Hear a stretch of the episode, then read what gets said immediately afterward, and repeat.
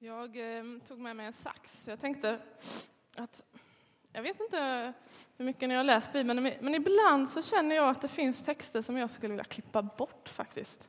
Som jag känner att, ja, men varför, varför är de här med? Liksom? Vad, det, vad, vad ger det här för bild av Gud? Eller kan, kan det verkligen vara så? Till exempel så säger Lu, äh, Lukas, säger inte, det är Jesus som säger i Lukas 18 och 22 till en man, säger han så här. Sälj allt du äger, ge till de fattiga och kom sen och följ mig. Ska man verkligen säga, sälja allt man äger för att kunna följa Jesus? Jag tycker, jag vet inte om jag ska klippa bort den, men jag man kanske kan skriva ge så mycket du känner för eller något. Jag vet inte. Men här kommer i alla fall en riktig sån klippa bort-text. Jag vet inte vad du har för klippa bort-texter, men den här är från Jesaja kapitel 35 och vers 4. Där står det så här. Se, er Gud är här, hämnden kommer, Guds vedergällning. Vad gör man med en sån, vad gör man med en sån text? En, Gud som hamnar, en text som handlar om att Gud hämnas, om att Gud är vred. Eh, och jag, har, eh, jag har väldigt svårt för den här typen av texter. Det är just därför jag tänkte att jag tog med mig min sax. Eh, för den den passar liksom inte riktigt in i den här bilden som vi målar kring jul, att Jesus föds i ett stall och det är änglar och det är får och allt möjligt. Vad gör vi liksom? Men det är faktiskt så att det är den här texten jag ska försöka predika om idag. Ehm, om Gud som hämnas. Ehm, inte för att försöka ha någon slags domspredikan så här veckan innan jul, utan försöka bredda vår bild av vad godhet är. Så jag hoppas att du liksom orkar lyssna hela vägen och inte stänger av lite för tidigt. Men eh, vi ber en bön. Gud, jag ber om din hjälp. Jag ber om din hjälp att kunna läsa de här texterna som vi spontant bara, men vad är det här egentligen? Jag ber att du ska hjälpa oss att få, idag få vidga vår bild av vem du är, eh, av din godhet och din storhet. Jag ber att du ska tala till oss idag. Amen. Eh, eh, många av er kanske undrar vem jag är och så. Jag heter då Sofia Bengtsson och är en av eh, medlemmarna här i den här församlingen. Har bott här nu i drygt sju år kan man säga och eh, läser mitt sista år på Akademi för ledarskap och teologi som är en pastorsutbildning. Och ja, vad ska man säga mer om mig? Jag tycker väldigt mycket om ungdomar. Det är fint alltså. Ni är fina om ni är här. Ja, några. Kör. Eh, ungdomar. Och det var på ett läger med ungdomarna för ungefär två år sedan. Vi var på ett sommarläger i Tyskland, ett läge som heter Teen Street som vi brukar åka på med ungefär 4 000 ungdomar och eh, ledare där. Som den här texten, eller inte just den här, men det här om hämndens Gud gick upp för mig. Jag hade tyckt det varit så svårt med det, men det var första gången som jag kunde känna mig tacksam för att Gud kommer hämnas på det som är ont. Ehm. Och vi ska prata mer om sen hur Guds hämnd ser ut. Men var, jag blev så tacksam för när jag satt där, min uppgift på det lägret var att ha, jag hade enskilda samtal med ungdomar som av, av olika anledningar mådde väldigt dåligt. Liksom. Och när man har de samtalen och möter de kanske svåraste omständigheterna, de mest smärtsamma, ungdomar som inte vill leva längre, som skadar sig själva, som inte äter längre, då slog det mig att jag är tacksam för att Gud kommer att hämnas på ondskan. För det innebär att Gud inte blundar åt ondskan. Så Gud säger inte till de här ungdomarna, det ni utsätts för, det gör ingenting. Gud säger inte liksom att ja, men vi glömmer det, liksom. utan Gud är rättvis och Gud kommer att döma det som är ont. Gud säger liksom inte om du mobbas på din arbetsplats, det gör inget. Gud säger inte till det barnet som far illa, det gör ingenting. Gud kommer att döma det som är ont. Gud är arg och Gud är vred på ondskan i världen. Men då, i Jesaja 35 står det, ser Gud det här, hämnden kommer, Guds vedergällning. Eh, och det står ju där, men för att få en sån chans att förstå en sån här text, då behöver man läsa texten i sitt sammanhang. Man ska gärna läsa hela kapitlet, man ska liksom läsa hela boken, och det ska vi inte göra just idag, men man skulle behöva göra det. Eh, vi skulle behöva ta reda på vilken genre har den här texten. Om man, om man Bibeln är skriven olika texter, olika genrer, och det är skillnad om det är en poetisk text eller om det är en historisk text. Vi brukar till exempel säga att, att Gud är som en klippa, eller Gud är en klippa. Um, och om det skulle vara en historisk text skulle vi mena att Gud är en sten. Eh, nu menar inte vi att Gud är en sten, vi tänker att det är en poetisk text, vi tänker att Gud är som en klippa, Gud är trygg och stabil. Det behöver man veta om den här texten vi har läst också. Eh, man behöver också veta in i vilket historiskt sammanhang den är skriven. Eh, om vi idag, i vår tid, tänker att vi skulle läsa en text och så står det om det kommer några i vita klänningar med ljus i händer och glitter i håret. Då hade vi tänkt att ja, det är ju Lucia, det är en svensk tradition, vi firar den en gång om året och så kan vi tolka det på ett ganska bra sätt. Men om man om 200 år liksom Syrien skulle läsa det, då kanske man tänkt i Sverige, jag tror det handlar om Sverige, då verkar de klä sig i vitt för att smälta in med snön och ha ljus i händerna för att de ska kunna hålla värmen. Eller, ja, jag vet inte. Ni fattar. Man behöver känna till det historiska sammanhanget. Då till predikan.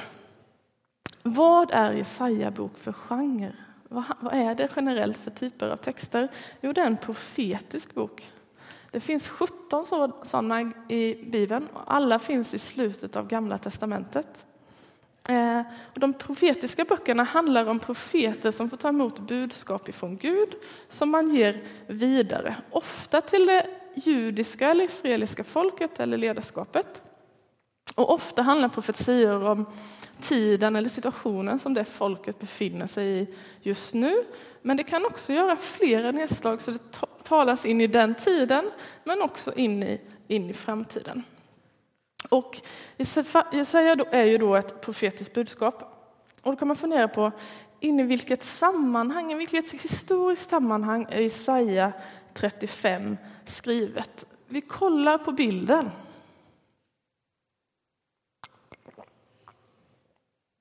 Ehm, det här är ju då inte från Jesaja 35. Så. Men den översta är en bild på Damaskus idag, på Syriens huvudstad. En stad i ruiner efter alla liksom krig och så, fram och tillbaka. Eh, och den andra bilden är flyktingar som kommer till Stockholm. Eh, och man kan säga att det, Jesaja 35 är skriven in i ungefär en sån situation. Eh, och då säger Gud, nu ska vi läsa lite mer från Jesaja 35, vi läser vers 3 till 4. Då säger Gud så här till flyktingarna på den tiden. Ge styrka åt kraftlösa armar, stadga åt skälvande knän. Säg till de förskrämda, Fatta mod, var inte rädda. Ser Gud det här? Hämnden kommer, Guds vedergällning. Han kommer själv för att rädda er. Alltså man säger att det idag finns fler än 50 miljoner flyktingar i världen. Alltså det är mer än under andra världskriget.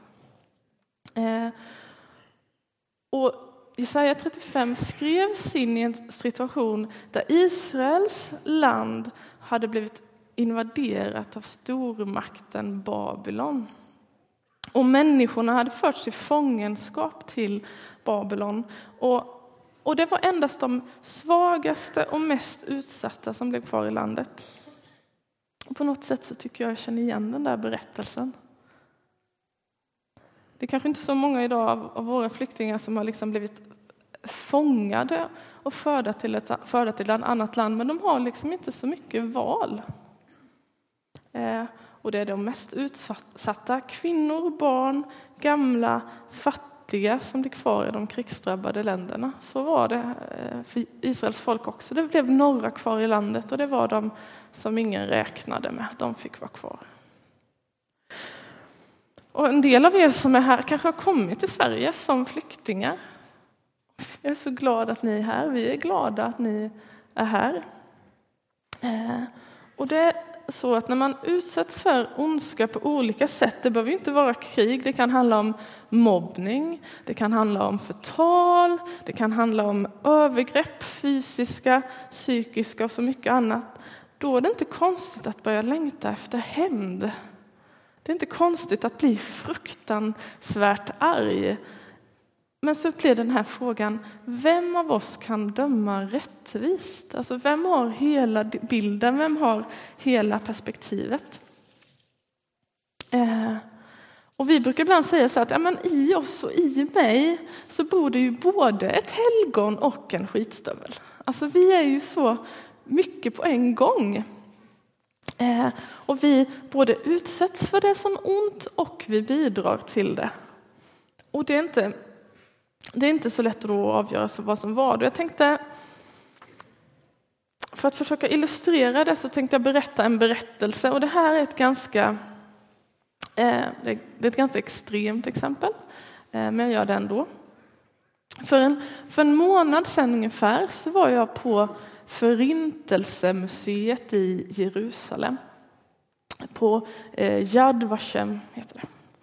Och där eh, återspeglar man ju då förintelsen där miljontals människor dödades under andra världskriget under fruktansvärda omständigheter. Och ganska många av dem dog i koncentrationsläger. Och så intervjuade de en nu då gammal judisk man som hade suttit i koncentrationsläger. Och så frågade de honom, är det någonting du ångrar? Är det någonting du ångrar?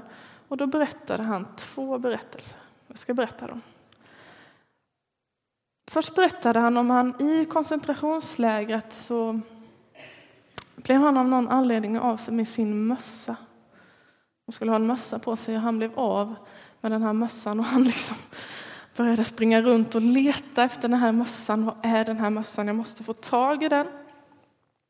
För han visste liksom om, om det hinner bli morgon så kommer det här inte sluta bra. Och han gick runt, han letade och till slut så var det natt. Folk hade gått och lagt sig. Och då gick han runt där bland sängarna och letade. Och så till slut så såg han en, en liten flärp på en mössa sticka ut under en, en av eh, kuddarna. Eller ja, kuddar, men där. Så så snabbt så drog han till sig den mössan, sprang tillbaka, la sig och sov. Och så på morgonen så var det uppställning. Och så stod han där med en mössa. Och han visste att det är ju någon annan som står här utan. Och så hör han ett skott. Han tittar inte dit, men då vet han, nu är det en man som har dött istället för mig. Så berättar han en annan berättelse, hur de också står uppställda på rad. Och så står hans pappa jämte honom. Så faller pappan ihop. Jag vet inte om han var sjuk eller för trött, men han faller ihop. Och sonen vet att jag, jag borde ju liksom böja mig ner och liksom dra upp min pappa eller hjälpa min pappa på något sätt. Jag är ju min pappas son. Liksom. Men han gör inte det. Och så kommer vakterna och släpper bort pappan och så syns de inte igen.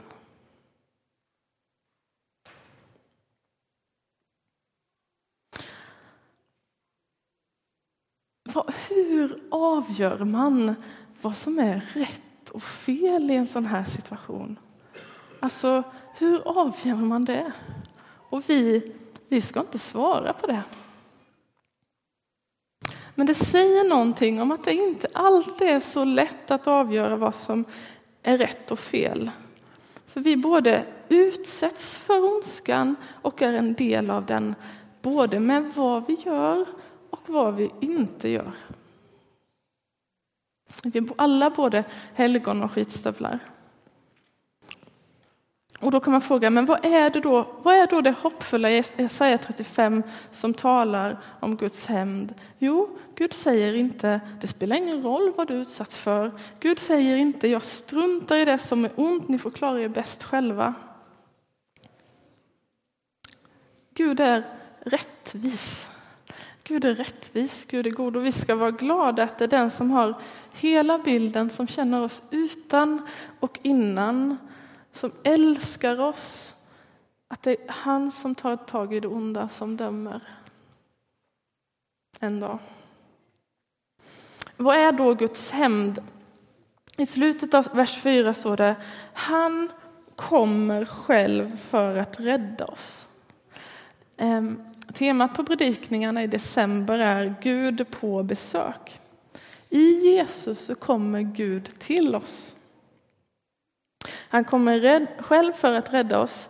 Men istället för att ställa våld mot våld, vi tänker ofta så här, ah, men i de extremaste situationerna, då är makt och våld till slut den sista enda utvägen.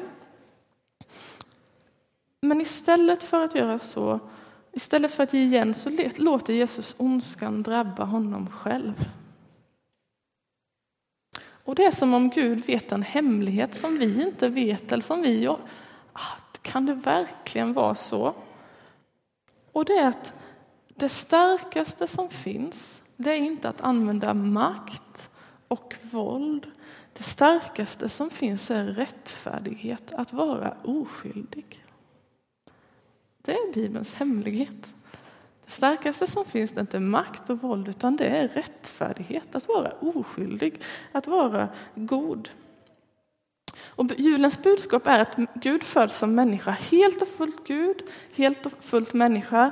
Och Jesus han vet vad smärta är, han har själv varit flykting, han har blivit lämnad av sina nära, han har blivit utsatt för fysiskt och psykiskt våld.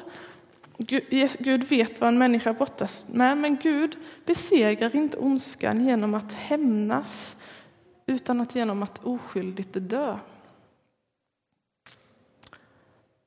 Och det är som att den här ondskans spiral där vi gång på gång ger igen på varandra, varken vi vill det eller inte, så blir det lite så. Vi skadas och så ser man konstigt på andra och så gör det något med mig och så håller det på så här. Det måste få ett slut och det börjar, det kristna budskapet är att det börjar genom Jesu död och uppståndelse. För det berättas att döden inte kunde besegra Jesus för han var oskyldig. Han fick sitt liv tillbaka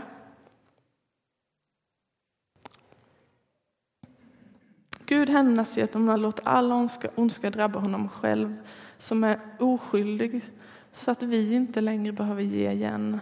Ondskans makt bryts på något sätt.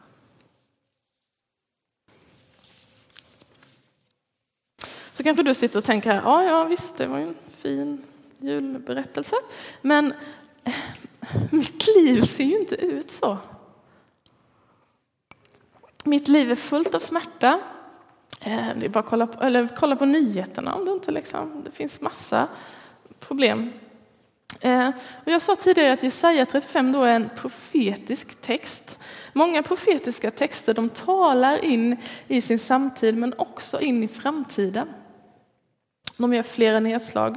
Och om man ska säga då att som det från början var skrivet till så var det till det judiska folket i fångenskap i Babylon vars hemland är förstört.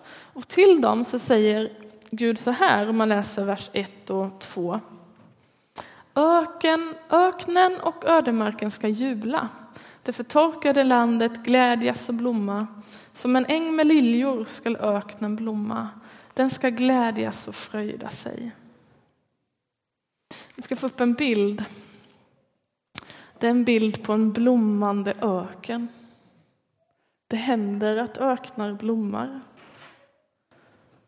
Alltså Israels folk är uppvuxna bland öken. Jag var där för en månad sedan. Det är väldigt mycket öken och ödemark. Och så säger Gud, ta den bilden som de väl känner till och säger, jag kan förvandla öknen till en blommande. Jag kan ta det mest torra, det mest döda, det som ingen räknar med och bara förändra det. Så här. Gud kan förändra. Och och man ska veta att de här judarna, om det fanns en hopplös situation, de visste att de folk som brukade bli erövrade och tagna till andra länder utspridda, de brukade sluta existera. De brukade aldrig komma tillbaka till sina land och så småningom upphöra som folk.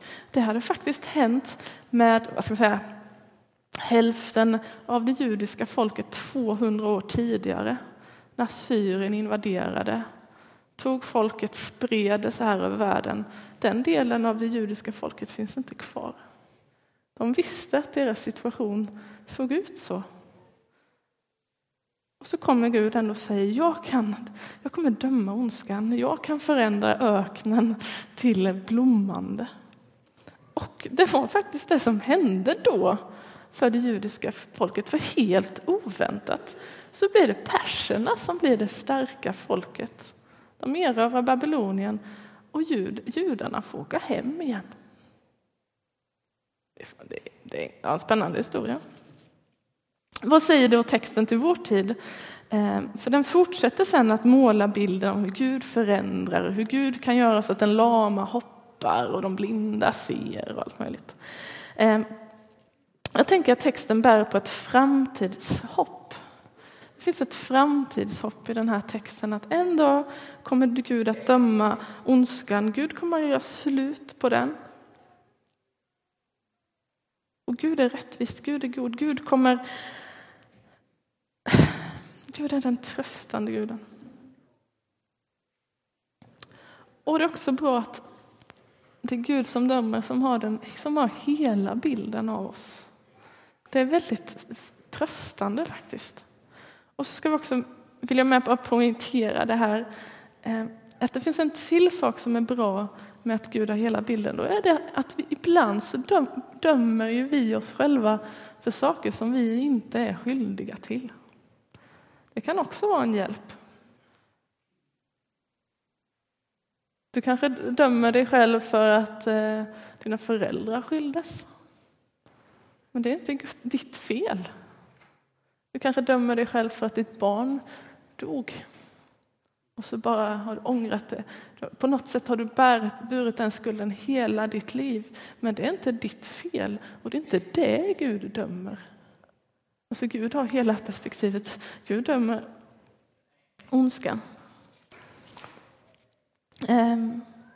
Så kristna tror att genom Jesu död och uppståndelse så besegras ondskan, men det är inte fullbordat ännu. Det fullbordas den dag Jesus kommer tillbaka och vi som kristna så väntar vi på det. Vi tror att Jesus en dag kommer tillbaka.